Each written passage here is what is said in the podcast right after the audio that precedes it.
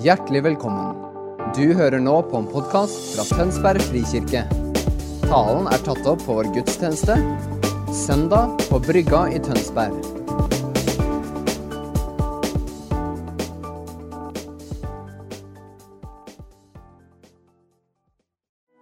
Jesus, det er deg vi følger.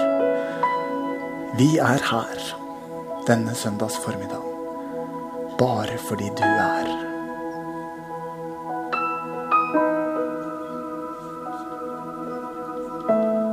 Priser deg, Jesus.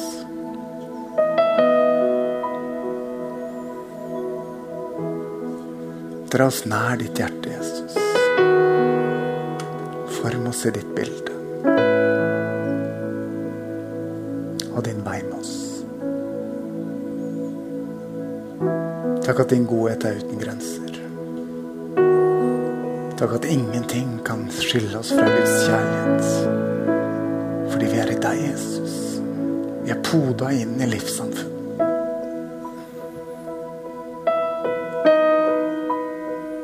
Hvor essensen er fullkommen kjærlighet. Tusen, tusen takk.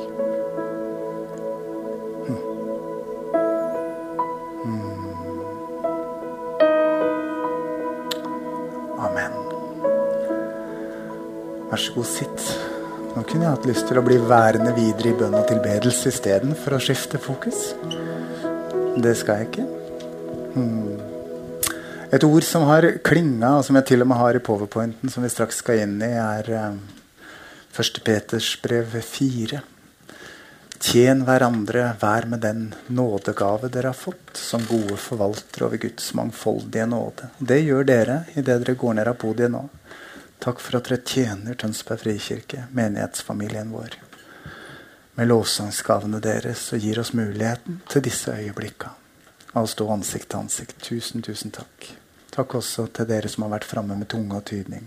Det er akkurat det ordet, det. Tjene hverandre. Så er det andre som har gjort de praktiske tjenestene og stilt lyden og fått på lyset. Alt sammen handler om å tjene hverandre for å fasilitere den landingsplassen som gjør at Guds kjærlighet ikke bare blir en teori, en tanke eller en stemning eller en følelse, men et fellesskap av mennesker vevd i hverandre, gitt til hverandre. Ja. Det er det det handler om, både spesielt i dag, eh, hvor temaet er 'Vi tror på Den hellige ånd', som knytter oss sammen i kjærlighet. Jeg skal komme tilbake til det. Dette er jo den søndagen hvor vi, vi starter liksom litt på ordentlig. Eh, første gang med kids. og nå er alt av skoleferier over, og vi er ordentlig i gang. og Bibelskolen starter på mandag, og liksom alle hjulene begynner å svive. Så vi har varma opp litt. Camilla først 7. august, og så hadde vi en gudstjeneste her også 14., hvor vi åpna tematikken. Men allikevel så har jeg lyst til at vi skal um, ta Jeg bruker noen få øyeblikk på intro. Der ble bildet borte. Er det jeg som har gjort noe galt? Jeg skal ikke jeg starte den igjen, tro? Sånn eksempel. Se der. Se der. Det her er temaet vi skal være i hele denne høsten. Vi tror på Den hellige ånd, og fortsatt er fokuset vi. Det er vi som fellesskap, det er vi som kirke, som tror. Og Hver og en av oss tror er stykkevis og delt, og vi ser stykkevis og delt. Men jo flere perspektiver vi inn, legger inntil hverandre, jo større et bilde av Han vi tror på, får vi tak i. Og Når vi skal nærme oss dette med Den hellige ånd, så, så er det iallfall to aspekter. Og det har Frida, som lager grafikken i huset vårt, gjort så veldig vakkert.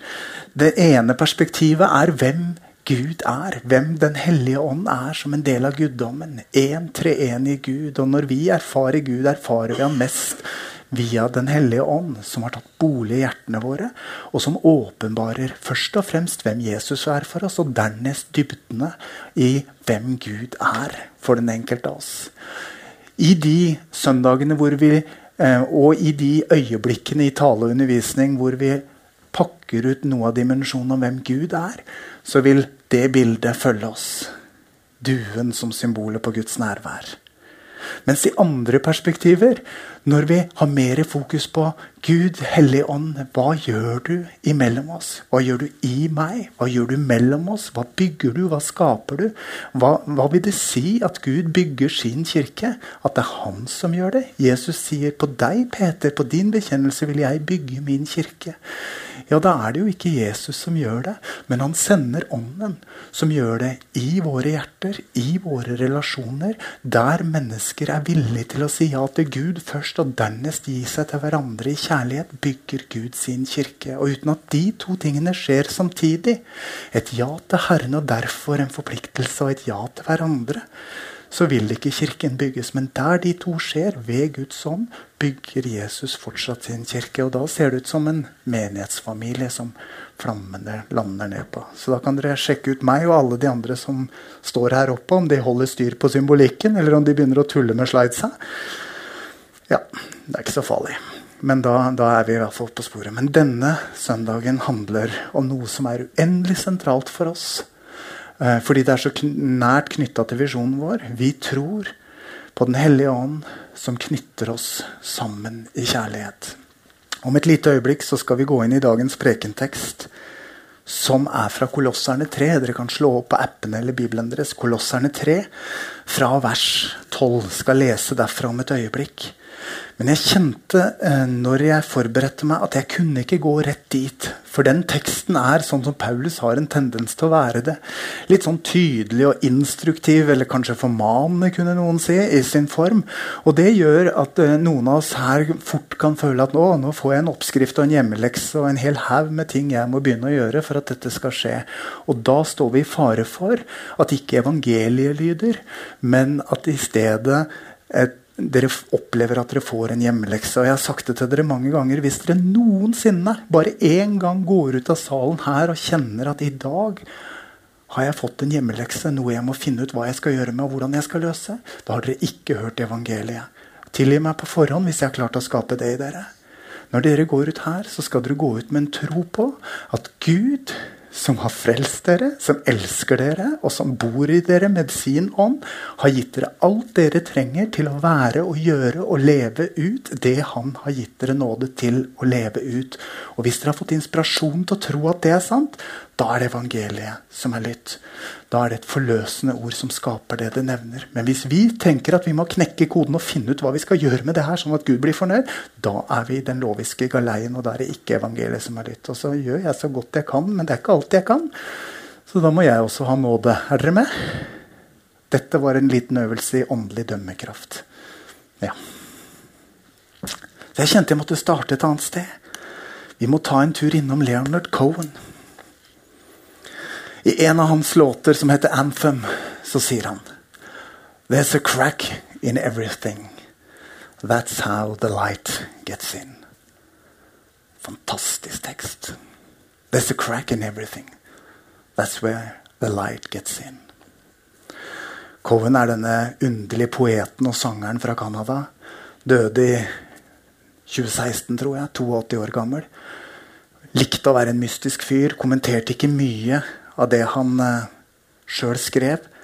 Men akkurat denne sangen, fordi den var så tett på det han holdt for helt grunnleggende og sant, nemlig at Jesus er sant, og at evangeliet er sant, så kommenterte han denne sangen. Hør hva han skriver.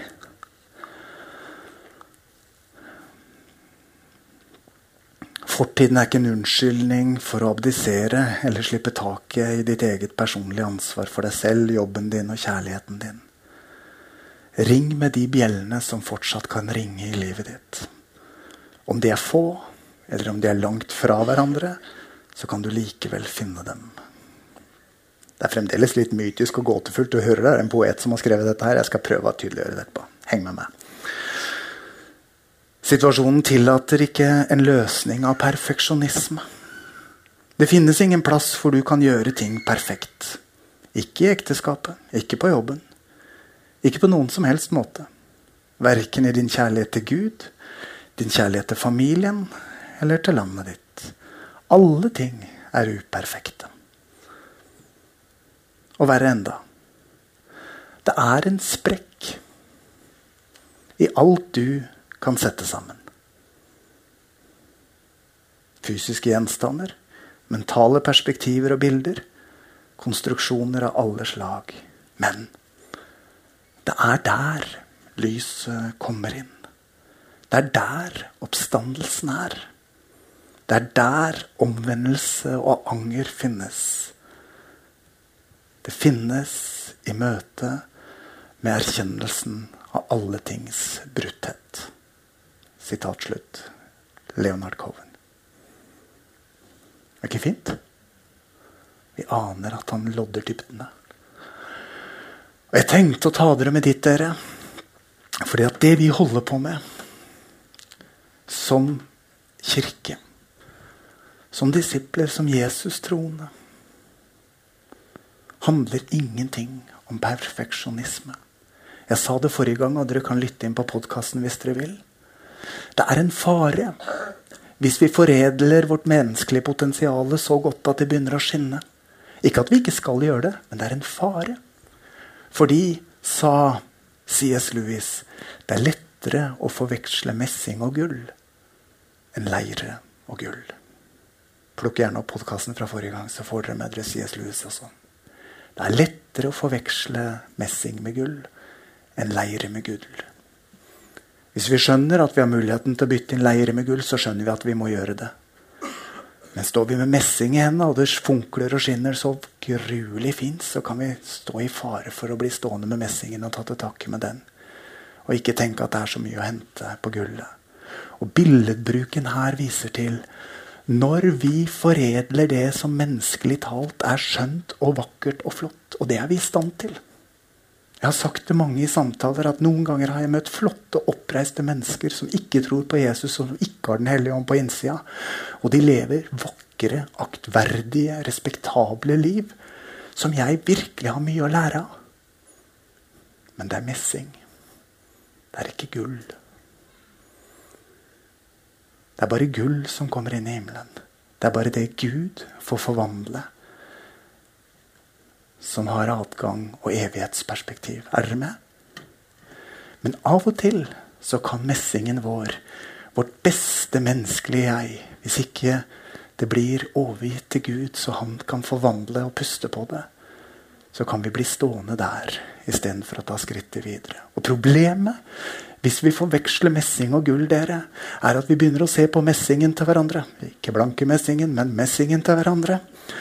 Og da er det sånn at vi begynner å konkurrere og sammenligne. Og da lurer vi litt på hvem som har pussa messingen sin best.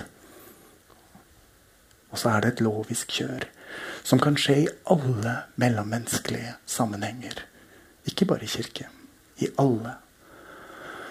Og da er det deilig realistisk å lene seg inn til Leonard Cohen og si There's a crack in everything. And that's where the light comes in. Det er ikke der lyset skinner ut. Noen ganger tvister Kirken dette her og tenker at det er flott at det er litt sprekker i livet mitt, for da får jeg øye på Jesus. Nei, nei, nei, nei. Vår synd og vår utilstrekkelighet har aldri herliggjort Jesus. Aldri. Det er når Gud får lov til å bevege oss og fylle oss med kjærlighet og forvandle livet vårt, da får Gud ære.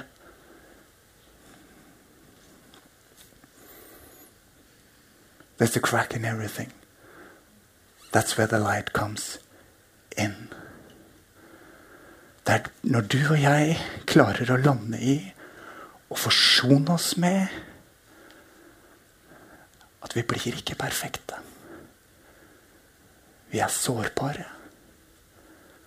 Og vi trenger Guds kjærlighet og forvandlende kraft. At den berører sider i min egen tanke og måten jeg reflekterer på rom i mitt hjerte som er sårt eller ømt eller bittert. Plasser i relasjon hvor jeg fryser til fremfor å bli glad når jeg kommer i nærheten av det. Når jeg skjønner at verken menighet eller noe menneskelig liv noensinne kan klare å favne og bli det perfekte, fullkomne og at alt som ligner på det, bare er en avgud, et babelstårn, en projisering, et fake bilde av det eneste som er fullkomment. Og det er Gud.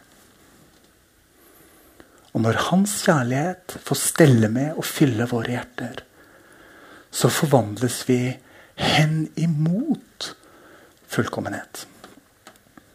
Aldri til det fullkomne, men hen imot. Gir dette mening? Blir jeg for filosofisk nå, eller kan dere ta imot dette? Går det bra? Dere nikker litt. Det er derfor dere vi er et nådens fellesskap. Og det er det jeg skal preke om etter at jeg har lest denne teksten nå. There's a crack in everything. That's where the light comes in. Når du og jeg får tak i noe av vår sårbarhet, så kan vi lene oss inn mot Gud i bønn. Enten alene eller sammen med noen på samtalesenteret eller en god venn eller hjemme i huskirka du hører til. Altså, jeg trenger Guds nåde på denne plassen i mitt liv. Jeg skulle så ønske jeg var sånn og sånn overfor barna mine, og isteden er jeg sånn. Jeg skulle så ønske at jeg var sånn og sånn overfor kona mi, og isteden er jeg sånn. Skulle så ønske jeg kunne vært sånn på arbeidsplassen, og i stedet var jeg sånn. That's where the light comes in. Det er der oppstandelseskraften kan berøre ditt og mitt liv. Og forvandle det som er sårbart, henimot noe fullkomment. Og det vil gi han ære. Når du og jeg i den vanskelige kollegarelasjonen velger kjærlighet og en utstrakt hånd fremfor opprettholdelse av et forkjært samspill mellom to. Det peker mot himmelen. Og det er det det handler om når Den hellige ånd kommer og knytter oss sammen i kjærlighet. Da tror jeg vi er klar for teksten. Kolosserne 3. Dere er Guds utvalgte. Helliget og elsket av ham. Kle dere derfor i inderlig medfølelse og vær gode, milde, ydmyke og tålmodige, så dere bærer over med hverandre og tilgir hverandre hvis den ene har noe å bebreide den andre. Som Herren har tilgitt dere, skal dere tilgi hverandre. Og overalt dette, kle dere i kjærlighet som er det bånd som binder sammen og gjør fullkommen. La Kristi fred råde i hjertet. For til det ble dere kalt da dere ble én kropp. Og vær takknemlige. La Kristi ord få rikelig rom hos dere.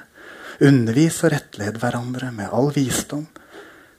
Syng salmer, viser og åndelige sanger. Til Gud et takknemlig hjerte. Og la alt dere sier og gjør, skje i Jesu navn. Med takk til Gud, vår Far, ved ham. Slik lyder Herrens ord. Gode Gud, ditt ord er sannhet. Helge oss i din sannhet, og skap din sannhet og virkelighet i vårt indre som bare du kan. Amen. Det er mektige ord, dere. Når vi leser det, så kjenner vi når vi lytter med, med, med, med tro og med hjerte Dette er det sannhet i. Dette er det skaperkraft i. Og alt sammen, legg merke til Jeg har tatt det fram for dere. Eh, bare la blikket gli nedover teksten idet jeg kjapt repeterer noen utvalgte ord. Kle dere derfor i inderlig medfølelse.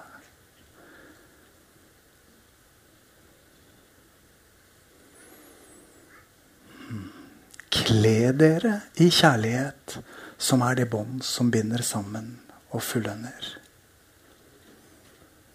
La Kristi fred råde i hjertet. La Kristi ord råde, unnskyld, eh, få rikelig rom hos dere. Og så la alt dere sier og gjør, skje i Herren Jesu Kristi navn. Når disse imperativene fra Pervilus kommer, disse påbudsordene, så er det sånn at kle oss i kjærlighet.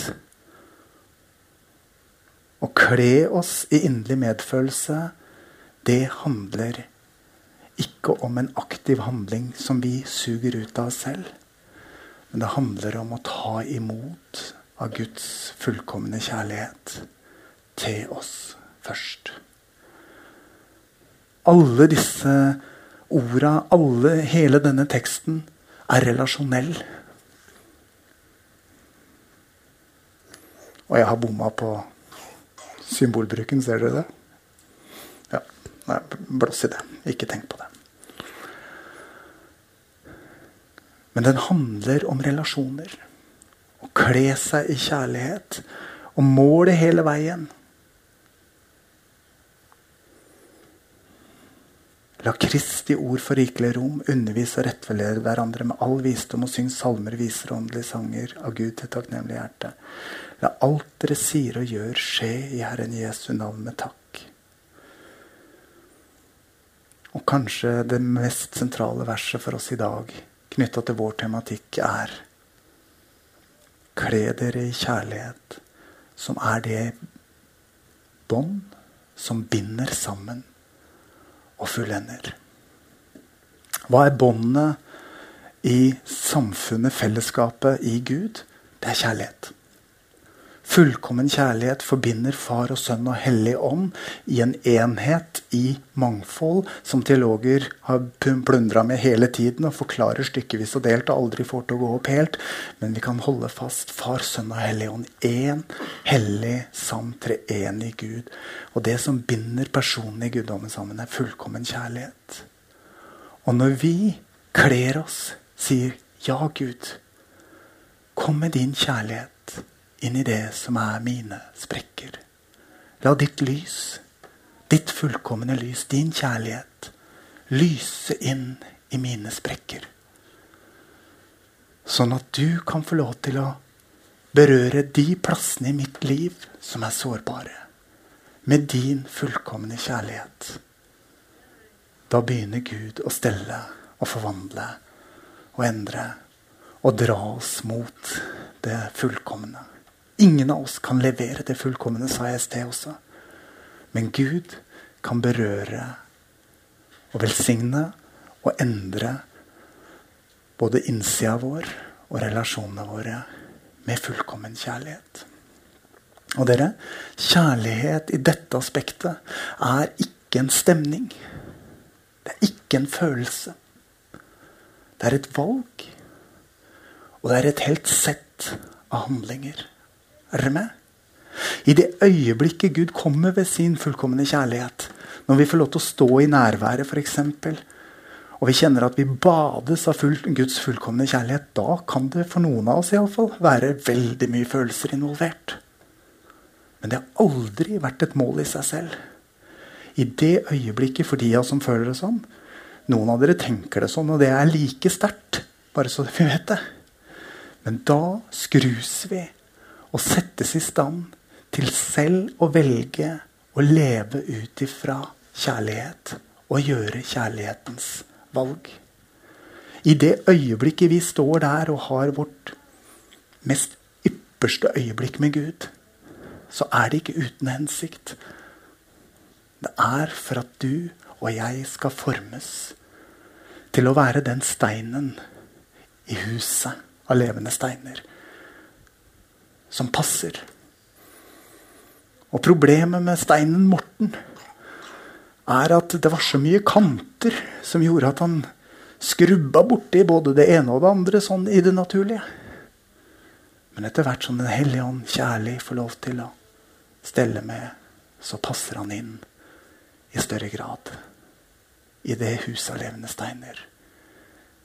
Hvor han kan få, akkurat som du kan få, være med å tjene hverandre med den nådegave vi har fått. Som hva for noe? Som gode forvaltere over Guds mangfoldige nåde. Målet med alt det vi sier og gjør som menighetsfamilie, som menighet, som kirkeverden, er at det etterlatte inntrykket, den opplevde erfaringen, skal være at vi har forvalta noe fullkommen kjærlighet. Der vi ikke får som fortjent, men mye bedre hver gang. Og dette, dere, er det ingen av oss som får til i oss sjøl. For sjøl om vi er født på ny og har fått Den hellige på innsida, så er vi høyst menneskelige, og i vår menneskelighet så er det stadig vekk at vi trekker en kortslutning og setter en grense, bygger en mur, heiser et gjerde, skyter et skudd, gjør det vi ikke burde, for å bryte ned og gå i motsatt vei av det denne teksten inviterer til. Derfor er det et aktivt valg hver gang vi utfordres på noe som går i motsatt vei av kjærligheten, og som bevirker avstand fremfor nærhet, som truer relasjon istedenfor å bygge relasjon. Og først og fremst springe inn og si Gud, på den plassen i mitt hjerte trenger jeg mer av din kjærlighet. I den relasjonen, Gud, trenger jeg mer av din kjærlighet. Og så videre, og så videre. For på den måten får Gud bygge deg og meg som han vil. Sånn at etterklangen av våre liv kan få lov til å være kjærlighet.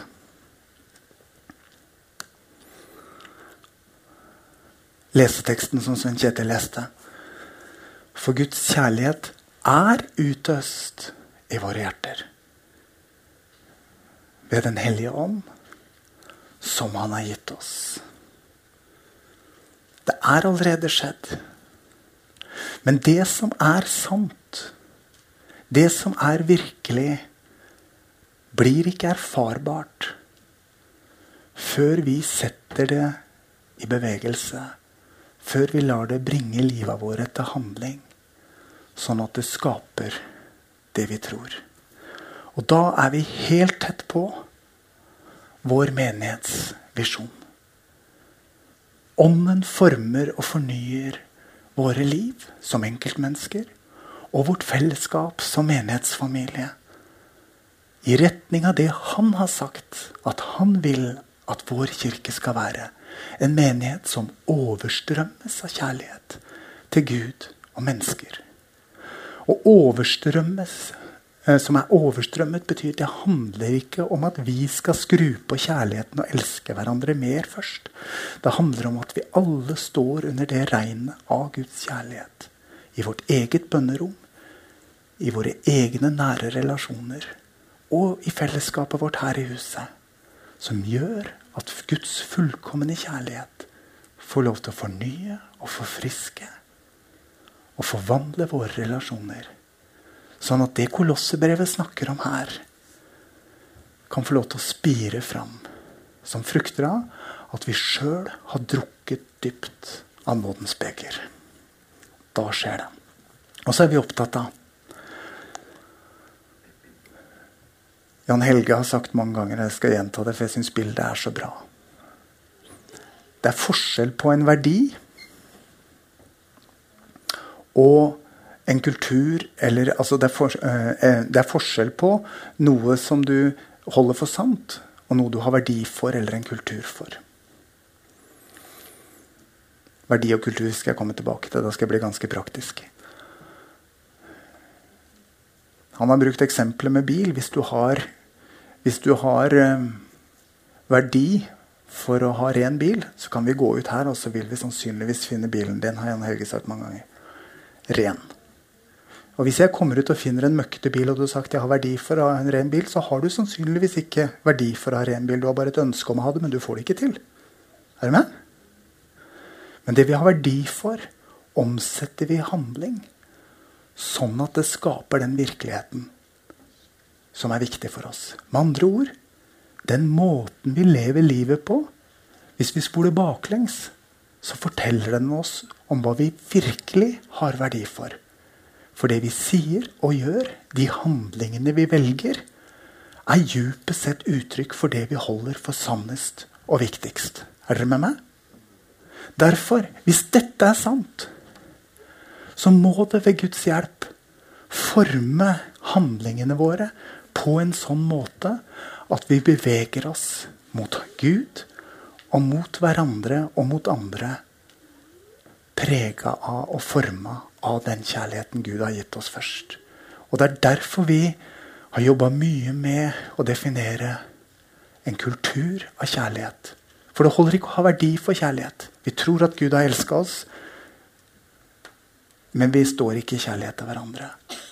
Hvis vi skal få en erfarbar virkelighet, så må vi koble det vi tror er sant, med en handling som svarer til det vi tror er sant. Og så vil vi få ut en erfarbar virkelighet. Når vi bygger ulike kulturer i bibelskolen og underviser kultur, så er det nettopp det. Så enkelt.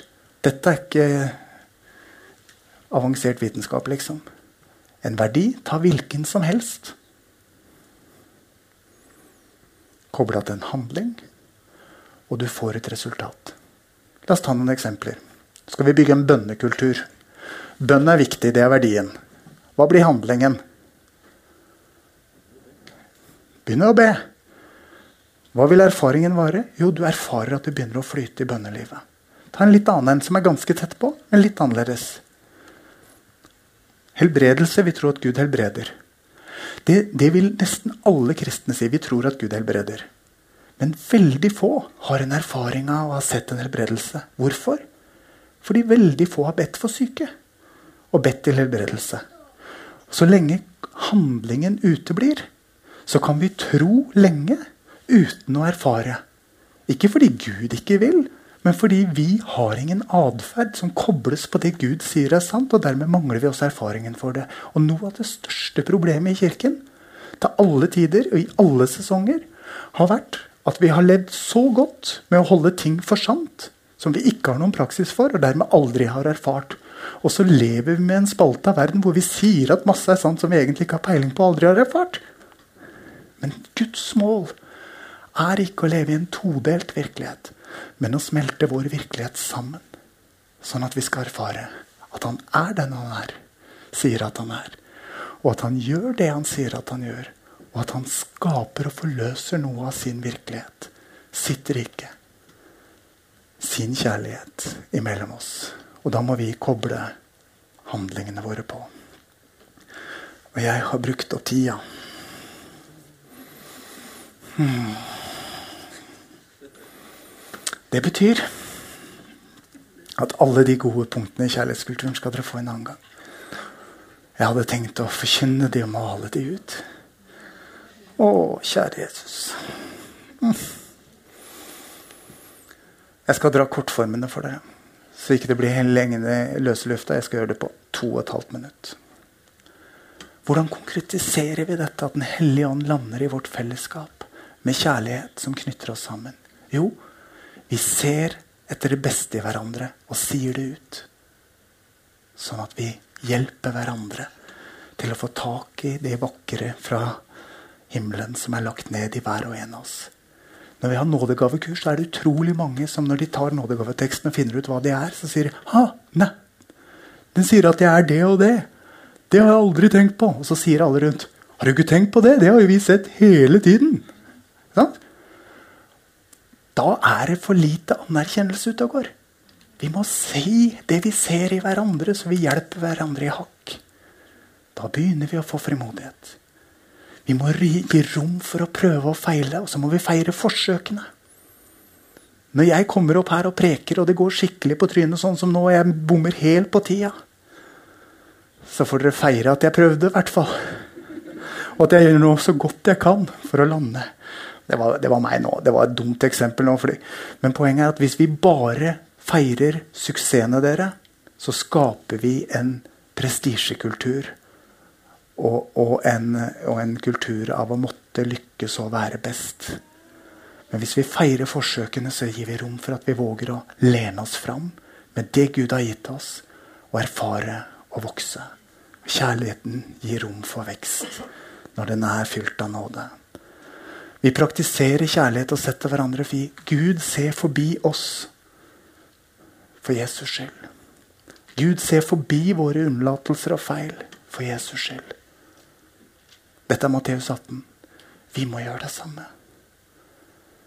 Vi må sette kjærligheten ut i praksis, sånn at der vi utfordres, så velger vi tilgivelsens vei. Matteus 18, hvis du er på vei du, Disse to tjenerne. Den ene får tilgitt alt, men tviholder på den andre som skylder han en slant. Det er det perspektivet. Et kjærlighetsfellesskap er rause i sin omgang med nåden. Vi drikker raust for egen del, og vi gir raust til hverandre. Og når vi av og til må sette en grense fordi at atferden er gal og ikke sunn og rett, så prøver vi vårt eget hjerte så vi vet at det er ikke for å hevne, det er ikke for å fremheve, det er ikke for noe i meg. Men det er kjærlighet til min bror eller søster. Jeg sier du, kan vi snakke om dette? Og så prøver jeg meg selv så mange ganger på det jeg da skal si, at jeg er helt sikker på at det verken har selvhevdelse eller straff eller noe annet som motivasjon. Da trygger vi fellesskapet. Og så praktiserer vi tjenende lederskap og tjenende forvaltning. Fordi vi er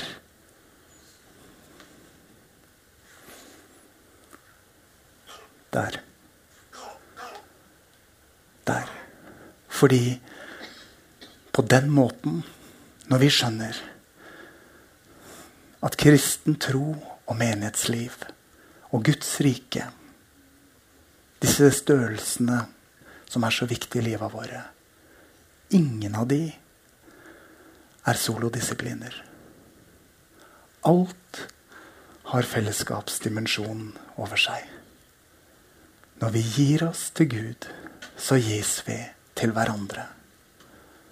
Og hvor mye jeg har fått ta imot av Guds fullkomne kjærlighet, det viser seg i måten jeg evner å stå i kjærlighet til de rundt meg. Og der Han får lov til å strømme raust gjennom meg, så settes jeg i stand til å tjene de andre. Og så er det noe av Hans vilje som får skje gjennom meg og gjennom oss og ut fra oss. Skal jeg lande der? Jeg brukte fem. Jeg skal bruke ett minutt i bønn til slutt. Og lovsangstimen kan komme opp. Mm. Kjære Herre Jesus. There's a crack in everything. That's where your light comes in. Takk, Herre, at vi kan slippe å være fullkomne og perfekte. Og at du på nytt og på nytt og på nytt igjen vil la din kjærlighet ved din ånd strømme inn i våre hjerter. Tanker og sinn, relasjoner og familier. Og gjøre det bare du kan, sånn som du ser at vi trenger det.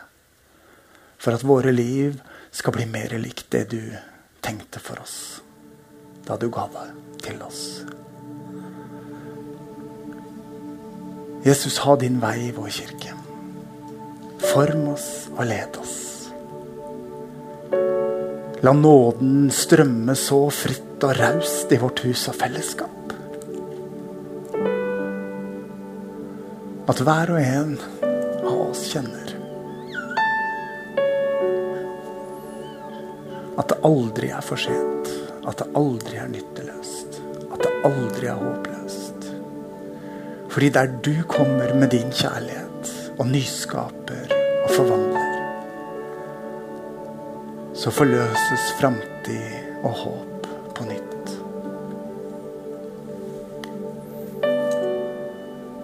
For hver og en av våre liv. For hver og en av våre kjernefamilier og storfamilier.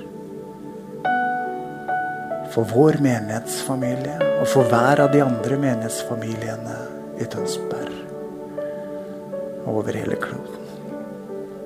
Jesus, du er vårt håp. La din kjærlighet strømme friskt og reint og godt gjennom oss. som en ustanselig strøm av liv. Som denne livets elva du skriver om i ordet ditt, Herre. Som fornyer og forfrisker oss. Som gjør at vi på et eller annet tidspunkt kan si, Herre, nesten som Paulus sa det, at vi lever ikke lenger selv, men Kristus lever i oss.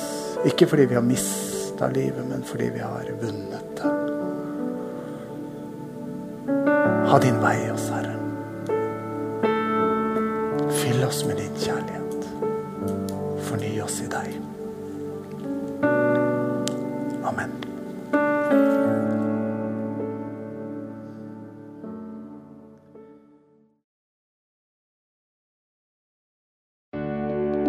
Takk for at du hørte på vår podkast. Har du spørsmål eller ønsker du å vite mer? Søk oss på vår nettside tonsbergfrikirke.no. Du er også velkommen til kirke på Brygga i Tønsberg.